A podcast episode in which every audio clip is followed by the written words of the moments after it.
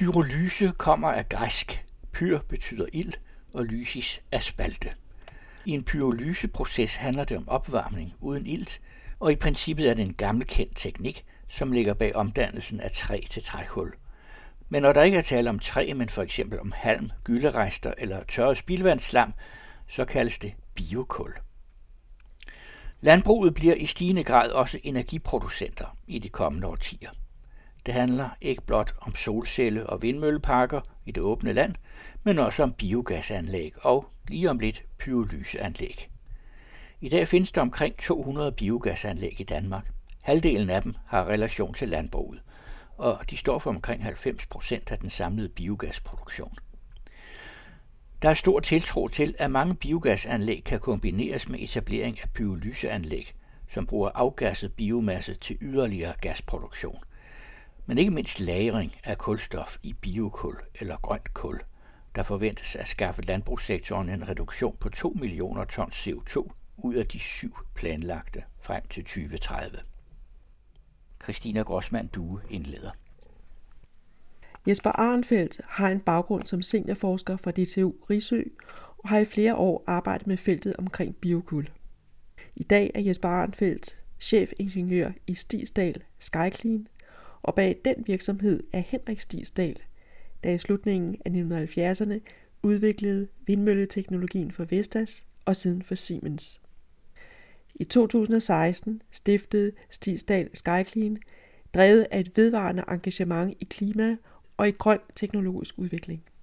Skyclean etablerede i 2021 et stort demonstrationsanlæg i Skive, men det første testanlæg blev bygget på DTU Risø, hvor jeg møder Jesper Arnfeldt. Altså i Danmark vil jeg sige, at det startede herude på Risø.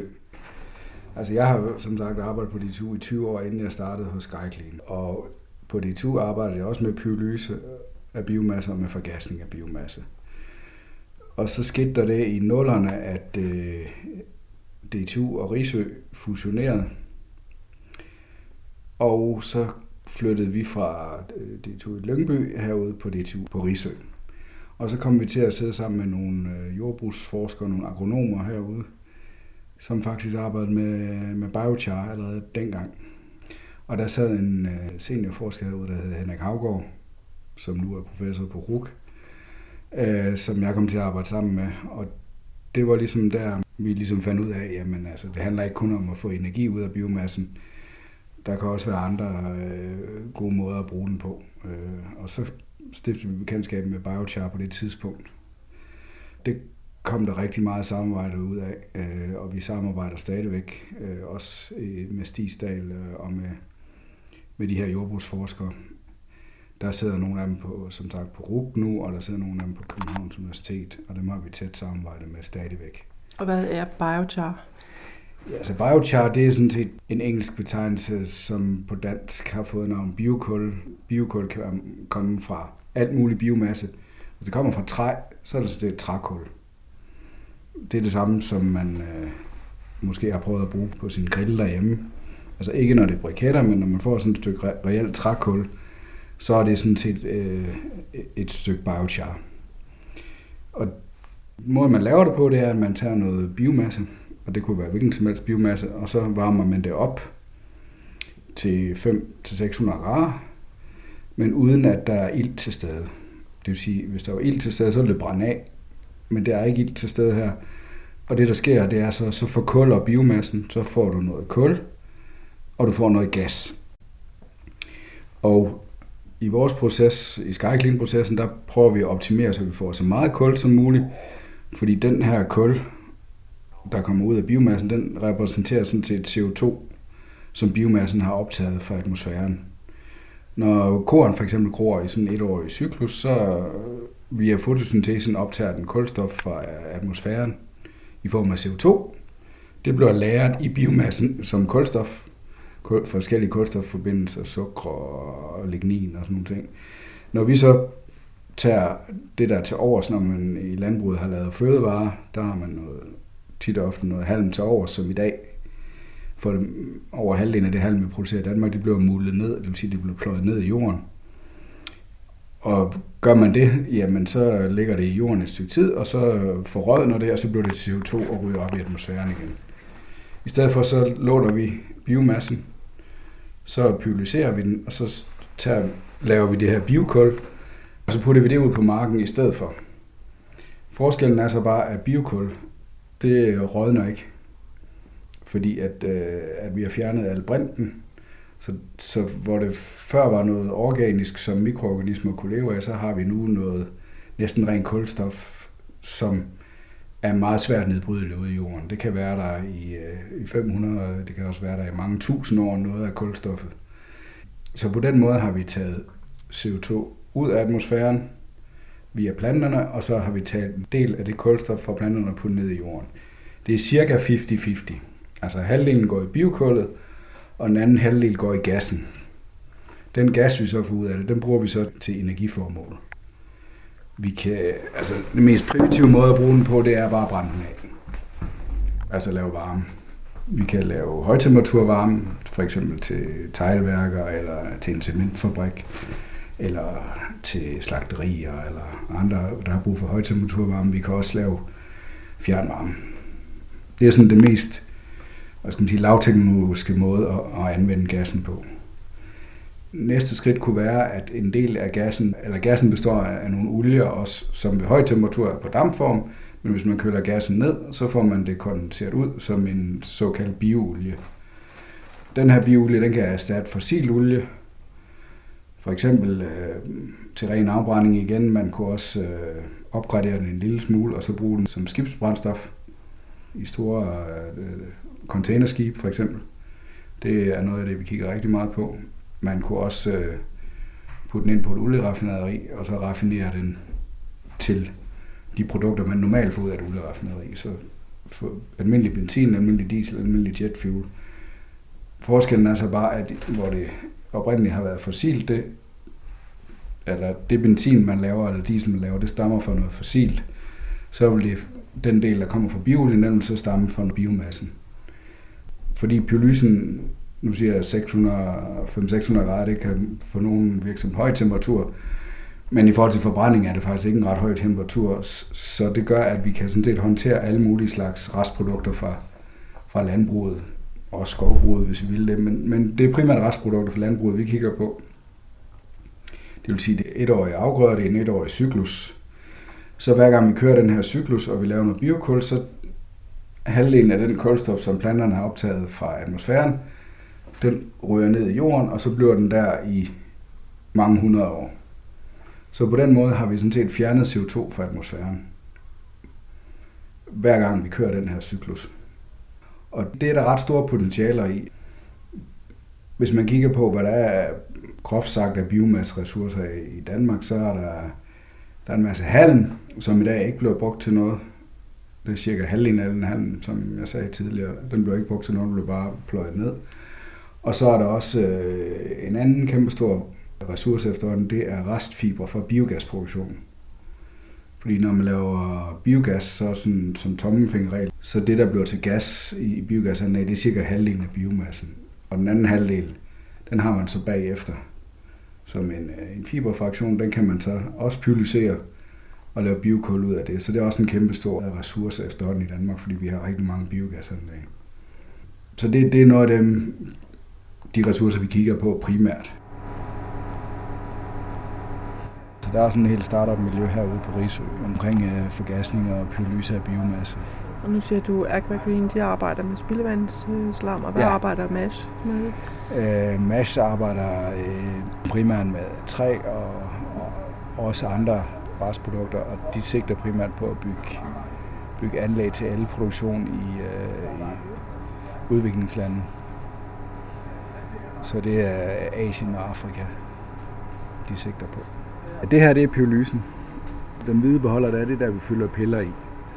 Og så er der en lille snegl, der kører dem ind. Vi kan se det her. Der kommer piller ind, og så er der en lille snegl, der det er en lille silo faktisk også. Ja, det er en lille silo. Og så fører den øh, pillerne ind, og så hernede, det er cirka her, der er en rest, som pillerne falder ned på. Og så blæser vi varm gas op igennem pillerne, og så bliver pillerne varmet op. Der er 600 grader hernede, og så er der 400 grader heroppe. I midten? I, nej, i toppen. I toppen. Ja. Og så bliver cirka 70 procent af, af pillernes vægt, det bliver til gas. Den der øh, rest der her, det er sådan en, der kan vippe. Og så når vi vipper med den, det gør vi bare sådan her. Så falder pillerne ned i bunden her. Og så er der en snegl her, der kører pillerne over i en tønde herovre bagved. Den gas, vi laver, ikke, det, det er sådan set noget af den gas, vi tager, og så har vi en øh, blæser her, der tager gassen, og så sidder der øh, på det her anlæg et elektrisk varmelegeme, som varmer gassen op fra 400 grader til 600 grader her. Ja. Og så kører vi rundt sådan her. Og det gas, der er i overskud, det ryger ud. Så er der et filter, der tager nogle partikler ud, og så kører den ud bagved her, hvor vi bare brænder gassen af øh, i første omgang. Så det vi har bygget på, det er herinde. Det er sådan en stor kasse. Ja, det er sådan en stor varmekasse.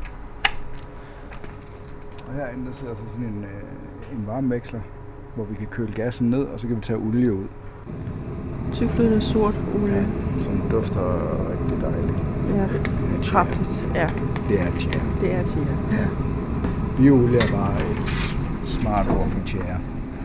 Vi er ved at lave noget indledende samarbejde med Københavns Universitet, som gerne vil bruge noget af tjæren som øh, moderne træbeskyttelse. Som det er en oldgammel træbeskyttelse. Ja, men det er det jo. Altså trætjære, det er jo et oldgammelt produkt, som vikingerne brugte også i sin tid. Ikke? Så det, altså, pyrolyse er jo ikke nogen ny opfindelse. Vi bruger den bare på en ny måde. Historisk set har man jo bare brugt træ. Ikke? Så har man lavet trækul, og så har man lavet noget trætjære, som man har brugt til at, at lave træbehandling. Tager det, den der proces, tager det lang tid, eller er det noget, der foregår sådan lynhurtigt? Eller? For at få så meget biokul som muligt, så kører man det, der hedder en, en langsom pyrolyse. Og det betyder sådan det bare, at det tager cirka en halv time. Mellem 20 minutter og en halv time. For at, at køre, hvor, hvor stor en mængde? Nå, men det er bare opholdstiden. Det er opholdstiden. Altså, det, så alt efter, hvor stort anlæg. Så, altså det, det anlæg, vi kommer til at bygge i, i Vrå, det tager 5 tons piller i timen, og så øh, kommer cirka 30 procent ud af det som kul. Og vi kører både halm, og vi også kører restprodukter fra biogas. I Vrå er det kun biogasrestfiber. Så har vi et, et anlæg i Skive nu, som er 10 gange større end den der, øh, hvor vi kører forskellige øh, feedstocks på. Der har vi kørt rigtig meget halm blandt andet. Det er mere sådan en demonstrationsanlæg, men, øh, men hvor vi skal teste forskellige ting. Der skal vi også f- teste det her med at lave bioolie. Og på sigt skal vi også t- teste øh, muligheden for at lave øh, metanol. Så på den lange bane vil vi gerne bruge gassen til at lave meget flydende brændstof med, og det vil primært være metanol, vi sigter på der. Så der kobler vi biomassen med noget brint fra vindmøllestrøm, så kan vi få, få lavet en hel masse biobrændstof ud af, af gassen. Det aktuelle store projekt for opskalering af pyrolyse og biokul, som realiseres af Stigsdal Skyclean, begyndte i 2022 og bygges på et landbrug i Nordjylland, hvor der i forvejen er et større biogasanlæg, som 80-100 landbrug leverer gylde og biomasse til. Her skal biogas og pyrolyseanlæg arbejde sammen. Når gylde og halm er gasset af i biogasanlægget, skal den deles i to dele.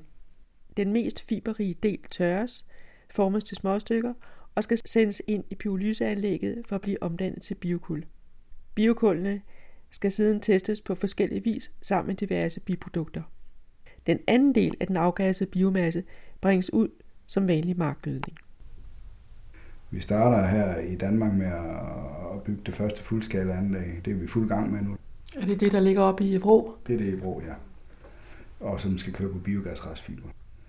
Det kommer til at køre på de her fiber for biogasanlæg, og så kommer vi til at producere biokul, og vi kommer til at producere noget varme, som biogasanlæg bruger til at opgradere deres biogas til ren metan, så man kan putte det på gasnettet, så det kan fortrænge naturgas. Det er en rigtig god business case, og det er rigtig smart for os, at vi kan få modnet teknologien på den her måde i, på en relativt lavteknologisk platform til at starte med. Der er så også nogle andre fordele ved at håndtere de her øh, fiber på den her måde. Det er blandt andet så øh, får man det fra at være noget vådt så får man det over til at være noget tørt. lagerstabilt kul, som også indeholder nogle øh, gødningsstoffer, altså kalium og fosfor. Og man har det mulighed, at man kan omfordele det her fosfor. Vi har en tendens i Danmark til, at biogasanlægene ligger der, hvor grisen er, og grisene de er primært over i Nordjylland. Så derover har de masser af fosfor, men jordene kan ikke tåle så meget fosfor og kvælstof derover, så man vil gerne have omfordelt den her fosfor til andre steder i landet, for eksempel øh, Sjælland eller, eller Lolland. Så det, det får man mulighed for at gøre på den her måde også. Så udover at vi får lært noget kulstof i jorden, så får vi også øh, omfordelt nogle, nogle gødningsprodukter, så vi får dem udnyttet noget bedre. Hvordan kommer sådan et pyrolyseanlæg, hvordan kommer det til at se ud sådan rent fysisk? Er det en stor boble, som det her biogasanlæg er? Nej, det er det ikke. Det svarer bare til en, øh, til en stor lagerbygning. Øh, og så er der en lille sidebygning på ved siden, hvor der skal stå en, en kedel, hvor gassen skal brændes af. Og så uden for lagerbygningen vil der være en lagerplads, hvor det her kul kommer ud. Og så skal det så derfra transporteres ud og spredes ud på markerne. Det fylder ikke nær så meget som biogasanlægget. Vi kommer ikke til at have de her kæmpe store beholder og sådan noget. Ikke? Altså, der kommer til at være et skorsten, der kommer til at være en beholder til at have nogle af de her piller i. Men ellers så er det bare en, en stor industribygning eller lagerbygning, det vil ligne. Kommer det til at ryge?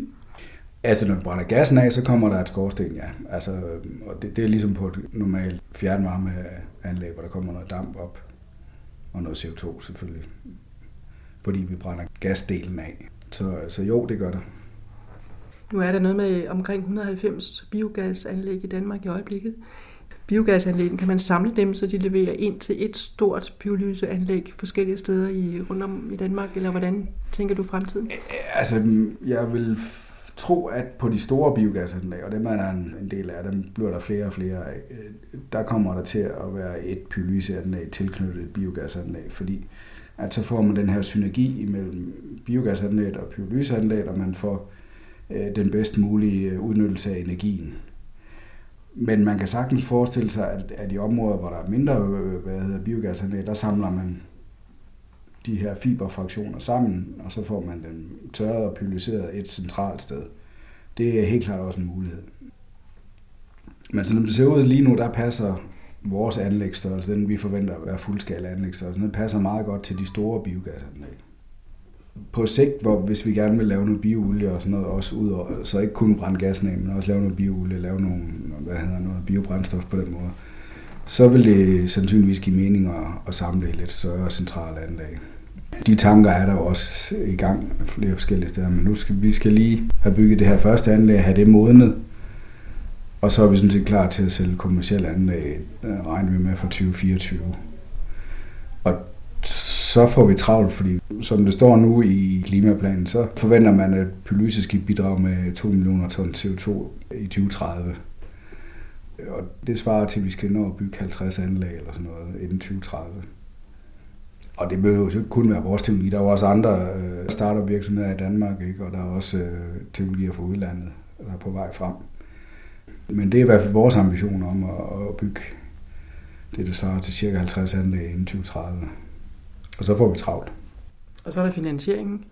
Er det så de enkelte landmænd, eller at det, øh, kan man lave andelspyrolyseanlæg, eller hvordan? Ja, det kunne man sagtens. Det kunne jeg godt forestille mig. Altså, øh, man siger, i, i første omgang, hvis vi bygger anlæg sammen med biogasanlæg, så vil det ofte være biogasanlæg, der finansierer, fordi det er rigtig god forretning for dem at kunne lave den her varme ud af deres egen fiber. Fordi i dag, det de gør i dag, det er, at de øh, bruger naturgas til at brænde af til at drive deres opgradering af deres biogas. Specielt lige nu koster det rigtig meget, men altså, så for dem er det en rigtig god forretning at kunne levere deres egen varme selv. Ikke? Men man kan også sagtens forestille sig, at de her anlæg, man bygger nogen, der kan køre på hallen, eller skal køre på hallen, det kan den også sagtens. Og så er det helt oplagt, at det, at det er nogle landmænd, der laver en, en andelsforening og driver sådan nogle anlæg her. Eller vi driver dem for dem, men at det er dem, der ejer den. Så det er bestemt en mulighed, som jeg ved, der er, bliver snart meget om i landbrugskredse også. Fordi at når man nedmutter det her kul i landbrugsjorden, så kompenserer man jo for nogle af de emissioner, der er for landbruget, som er svære at, at komme udenom. så det giver rigtig godt på, på landbrugets klimaregnskab, og det, det kan også give rigtig godt i, øh, i forhold til, til økonomi, at, at de får noget mere værdi ud af deres handel. Har I regnet på, hvor store mængder der er af restprodukter i øjeblikket? Sådan cirka? Ja, det har vi regnet på sammen med DTU. Altså halm, det ved man rigtig ret præcist, hvor meget der er. Det varierer lidt år efter år. Altså, hvor meget, nogle år blevet produceret mere halm end andre år. Så er der mulighed for at øge biomasseproduktionen herhjemme. Ikke? Altså, der sådan en dark horse, det er det her med at producere græs til græsprotein. Og der vil også være nogle, nogle restprodukter derfra. Og hvis man først kommer i gang med det i stor stil, så vil der være, komme rigtig meget biomasse derfra. Så det er sådan en, en ressource, der kan komme oven i dem, vi har kigget på indtil videre. Men indtil videre har vi primært kigget på halm og på, øh, på restprodukter for biogas, og så ved vi også nogenlunde, hvor meget træflis, der blev produceret altså indenland til Danmark. Ikke importeret biomasse, men det træflis, vi blev produceret i Danmark. Og der ved jeg, at Skovforeningen kigger meget på, hvordan de kan øge biomasseproduktionen i de danske skove. De vil fastholde den produktion, de har i dag til, sådan som jeg har forstået det i hvert fald, til gavntræ, altså til byggeri og møbler og sådan noget. Ikke? Og så vil de så udover det kunne producere noget træ yderligere ud af deres skove, som er lavværdi træ, men som kan bruges til energiformål. Så der er også en ressource der. Nu kan det her biokul, det kan komme ud i forskellige form. Det kan både være at komme ud i sådan nærmest små korn, og det kan komme ud i noget større, sådan lidt pilleform. Ja. Hvad tænker du om fremtiden? Altså, hvad er det mest hensigtsmæssige i forhold til at, at parkere det ude i jorden igen? Ja, men altså vi har jo valgt at, at fokusere primært på pelleteret biomasse, det vil sige, at vores kul kommer også ud som piller. Det er der en rigtig mange fordele i forhold til selve pyrolyseprocessen ved at bruge pelleteret materiale, fordi man har noget, der er ensartet, der har øh, den samme størrelse hver gang, og den har det samme fugtindhold og sådan noget. Men det er også en kæmpe stor fordel, som, som vi ser det i hvert fald, når du skal have det ud i den anden ende og, håndtere det ude i, i landbrugssystemet. Du kan se her, altså det, det er sådan noget kul. Det ligner faktisk øh, store peberkorn, vil jeg sige. Sådan ja, ja. Fire gange store peberkorn. Ja. Og det, det, det kan vi variere lidt. Størrelsen af dem her, det er jo afhængig af, hvor store pillerne er, inden de kommer ind i anlægget. Ja. Det er sådan halvt så stort som en dameskrog. Ja, det her det er sådan en, en, en 10 mm pille. Og det her, det er sådan en 8 mm pille. Men fordelen med det her, det er, at det er relativt ensformet, det er relativt øh, nemt at håndtere. Når vi tager det ud af pyrolysen, så fugter vi det op så vi gør det vådt. Øh, og det gør vi af flere grunde. For det første for at få det kølet ned, for at det ikke, der ikke går ild i det, når det kommer ud. Og så også for, at det ikke støver. Så det er til at håndtere. Er det meget porøst? Ja, det er det. Ja, man kan faktisk øh, godt, hvis man maser det, det kan man godt, ja, men så det bliver det til støv. Det er også lidt afhængigt af, hvad det bliver lavet af, fordi det her er fra halm. Og halm er de lyse? Halm er de lyse, og de mørke, det er biogasrestfiber. Og de her, de lidt hårdere pillerne, der kommer ud af det, end dem ud af halm. Så, så det kul, der kommer ud af det her, er også hårdere end det, der kommer ud af halm. Så, så det er lidt forskelligt fra, fra feedstock til feedstock, altså fra biomasse til biomasse. Men vi har allerede lavet spredningsforsøg med de her, sammen med, med nogle af dem, der laver sådan nogle landbrugsmaskiner til gødningsspredning eller til, til kalkspredning. Det er ret positive resultater indtil videre i hvert fald. Altså det, det er en del af det her store projekt, vi har fået med, med støtte fra Energistyrelsen, som hedder Scale Up. Det store projekt SkyClean Scale Up, der startede i juni 2022, fik 124 millioner fra pyrolysepuljen og har i alt 15 deltagende partnere. Med Stigsdal SkyClean i spidsen er der blandt andet BB Bioenergi, KK Wind Solutions, Aktiv Energianlæg, Topsø, Vestjyllands Andel, SEGES, afdelinger på DTU, Roskilde Universitetscenter, afdelinger på Københavns Universitet og på Aarhus Universitet.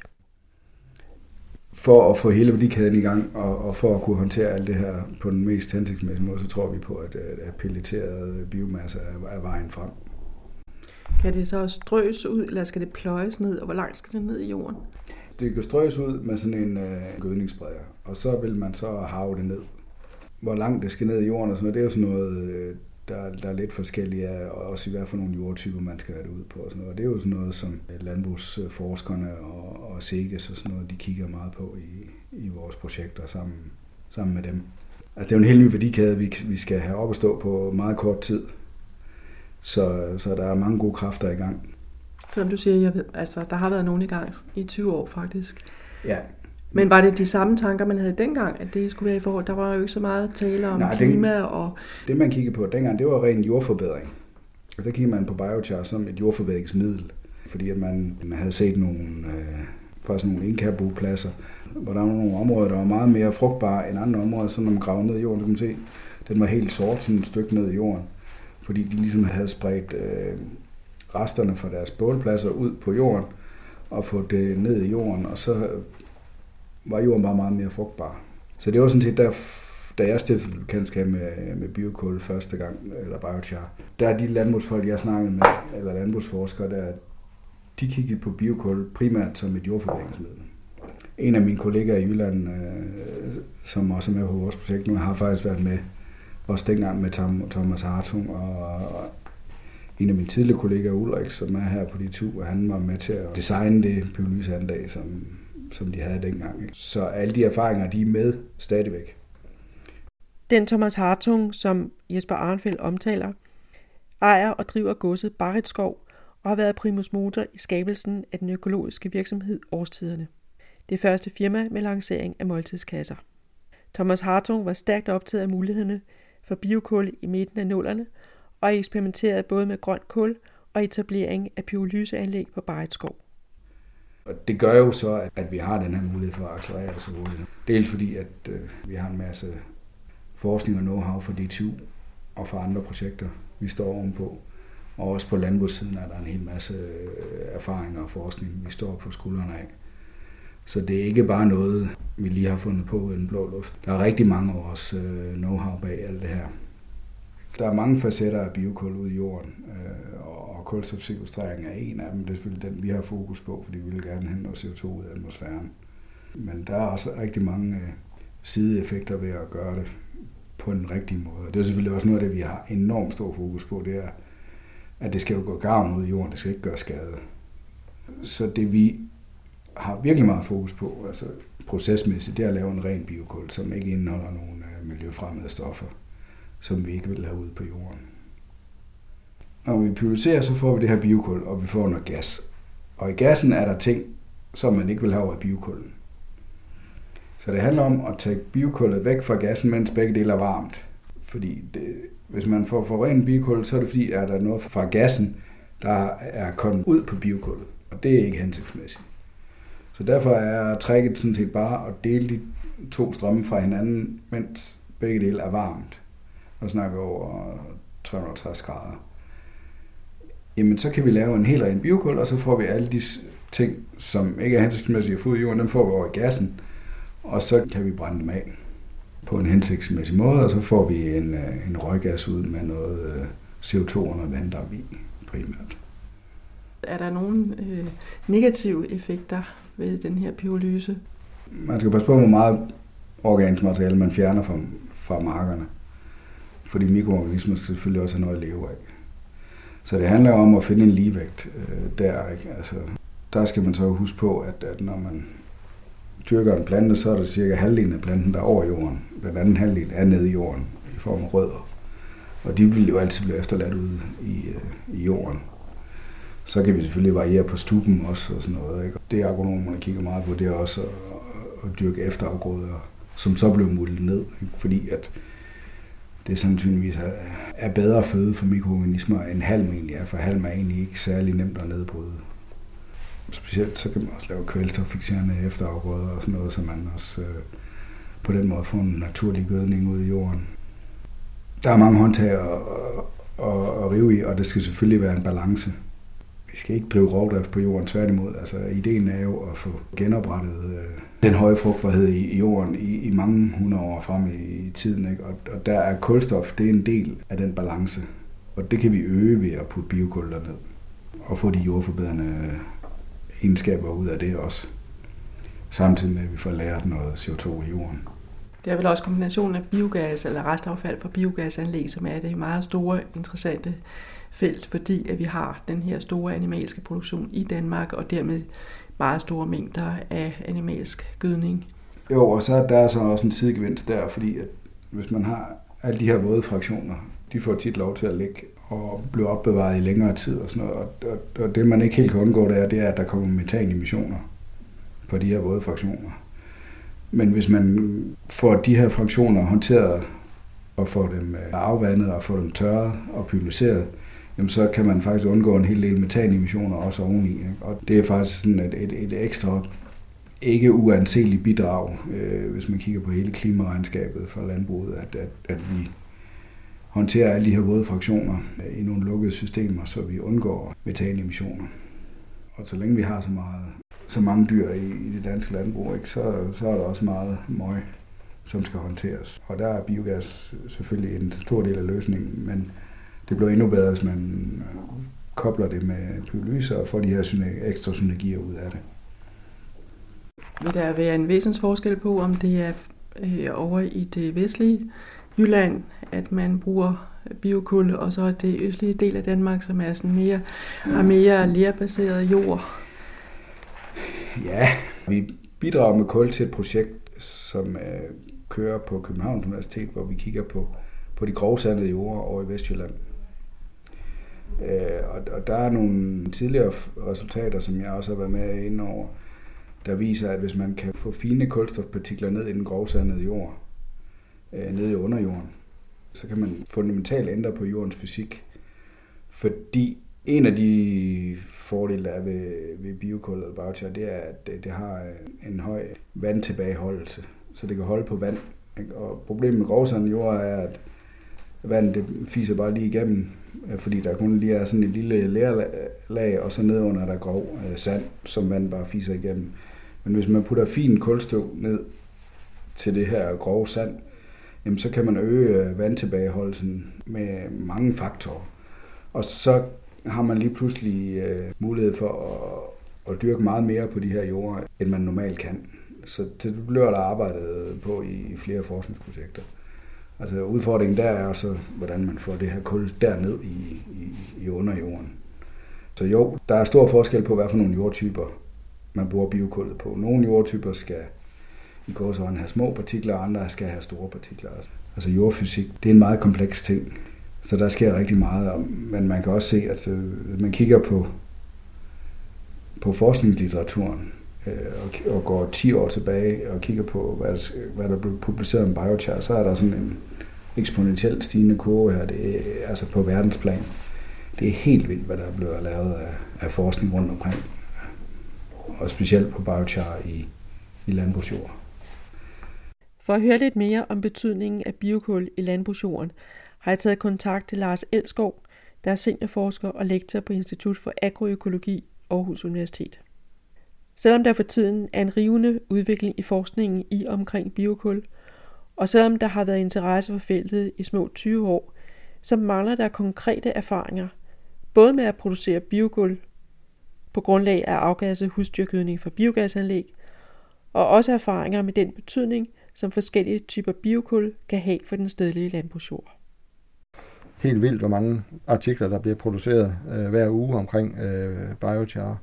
Men, men stadigvæk, der er jo ikke nogen etableret praksis i Danmark på at, indarbejde biochar i jorden, så vi har jo heller ikke de der erfaringer over tid, hvordan opfører øh, jordens økosystem sig øh, over tid, efter der er tilført biochar.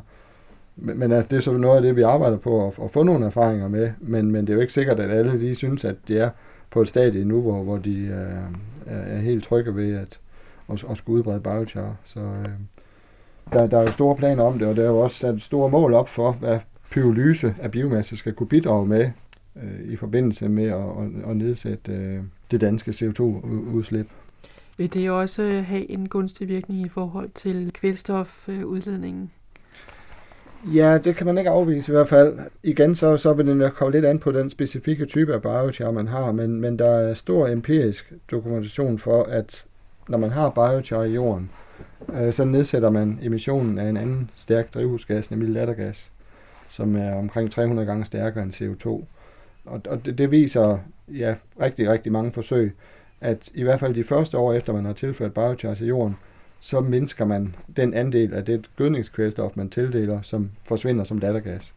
Øhm, og det er selvfølgelig også interessant. Der er også forsøg, der viser, at øh, fordi biochar har de her overfladeegenskaber øh, og, og store porositet, som materialet har, så kan det også være med til at tilbageholde øh, nitrat, øh, så det ikke så let udvaskes. Så, og det er noget, som også man må sige, skal dokumenteres for de enkelte typer af biochar, men selvfølgelig også kan være interessant i miljømæssig sammenhæng, hvis man kan for, i hvert fald forsinke nitratudvaskningen eller holde nitraten længere tid i planternes rodsystem, så de kan nå at optage nitraten frem for at det udvaskes. Så der er, der er helt sikkert en interaktion mellem man kan sige, kvælstofkredsløbet og biochar, som, som også er interessant at, at kigge på. Men som igen vil afhænge af den type biochar, og måske den mængde biochar, man tilfører. Så, så det er lige nu svært ligesom at, at kunne rådgive om det, øh, fordi vi heller ikke har så mange forsøg at støtte os til. Når I laver forsøg, har I så nogle marker, hvor I siger, at nu kommer vi så så mange gram eller kilo per arealenhed? Øh, kunne du fortælle lidt om det? Altså, vi har nogle forsøg, hvor vi har øh, tilført forskellige mængder af biochar per, per hektar, for eksempel, og, øh, og se, om der er en, en effekt af, af stigende tilførsler, både positiv og negativ effekt. Man kan sige, at det bliver så lidt, øh, hvor meget biochar man kan tilføre per hektar. Det er jo også lidt, noget af det, man sådan, øh, snakker om og diskuterer lidt. Og det meste af det, der er lavet eksperimentelt, når man kigger i litteraturen, det er, det er typisk nogle ret høje tilførsler, man har valgt at bruge netop for at se, om man under eksperimentelle forhold kunne se, om der var en effekt af biochar. Så det er måske, der snakker vi måske om 10 eller 20 tons per hektar, den størrelsesorden. Men biochar, det indeholder jo også nogle ting, blandt andet øh, fosfor. Og, og der er noget regulering i Danmark, som gør, at man kun må udbringe en vis mængde fosfor om året til sine marker. Og den mængde fosfor kan ligesom regulere, hvor meget biochar man så kan, øh, kan, kan tilføre. Og hvis det er lavet på husdyrbaserede produkter for eksempel, så kan det have et ret højt fosforindhold. Og så ligger vi måske i et område, hvor man kun kan tilføre mellem et halvt og et helt tons biochar per hektar, før man så rammer ind i det her fosforloft, kan man sige. Så, så der vil være noget omkring den rigtige måde at udbringe det på, de rigtige doser at udbringe det på, som, som vi stadigvæk øh, vil have behov for at, at, at kunne blive bedre til at, at, at vurdere. Er der andre steder i verden, hvor man kigger hen øh, med forsøg i øjeblikket? Det er der. Det, det er ligesom blevet en global øh, trend at, øh, at interessere sig for, for jamen altså dels i forbindelse med klimaspørgsmål i det hele taget, men lige nok det med, med biochar. Jeg siger, omkring halvdelen af den litteratur, der bliver produceret nu, øh, videnskabelig litteratur om biochar, den kommer fra Kina for eksempel. Så der foregår rigtig, rigtig meget. Men også øh, altså USA og øh, andre lande er længere fremme end, end Danmark. Altså Danmark har været måske lidt skeptisk i forhold til at, at, at tage biochar op som et, øh, et seriøst emne. Øh, så det er måske først inden for de relativt sidste få år faktisk, at, at det kom så højt på dagsordenen i, i, i Danmark. Er der nogle øh, negative effekter ved at producere det her biokul? Altså det vi arbejder med, det er jo så, hvad sker der, når det er kommet ud i, i jordens økosystem. Og der er nogle ting, man skal være opmærksom på i forhold til negative effekter. Øh, blandt andet så afhængig af, hvordan man nu øh, styrer sin pyrolyseproces, så kan der risikere at, at være nogle fremmedstoffer, altså nogle tjærestoffer, som man kalder PAH-forbindelser, som godt kan øh, opkoncentrere sig i biochar, og dem er man ikke interesseret i at få ud i, øh, i miljøet. Så det skal man undgå, og, og, og det der er, det er, at man analyserer sin biochar rent kemisk, øh, når den er produceret, og så vil der være nogle grænseværdier, blandt andet for indholdet af pH, men også andre potentielt skadelige stoffer, som man så siger, at hvis det er under det niveau, så er det acceptabelt, men hvis det er over det niveau, så kan man ikke øh, bringe det ud som, som biochar. Man kan sige, biochar er egentlig en, en stor fællesbetegnelse for sådan noget øh, kulmateriale her, fordi når, når vi bare ser på det, så kan vi jo ikke lige vide, hvordan det er produceret. Vi kan ikke vide, hvilken biomasse det kommer fra. Øh, og vi kan egentlig heller ikke vide, hvad indholdsstoffer der er i det. Så det er egentlig sådan lidt en, en, en black box betegnelse af biochar. Og det har vist sig i litteraturen, at man kan opnå alle mulige resultater med forskellige typer biochar. Dels med, altså, hvor meget øh, negative effekter de har, og hvordan de påvirker øh, jordens mikroliv osv. Så, så man er, man er nødt til at lave nogle undersøgelser øh, ret specifikt på de typer af biochar, som man nu forventer skal ud i stor skala, og sørge for, at det er veldokumenteret, hvad for nogle effekter man kan have af, af de typer. Skal nærmest have varedeklaration på? Ja, men det skal man. Det skal man. Du har lyttet til podcasten Grønt Kul om biokul og biogas. Lyt til de øvrige 11 podcast i serien Fødevareproduktions Natur og Arkitektur, der er støttet af Drejers Fond og Merkurfonden.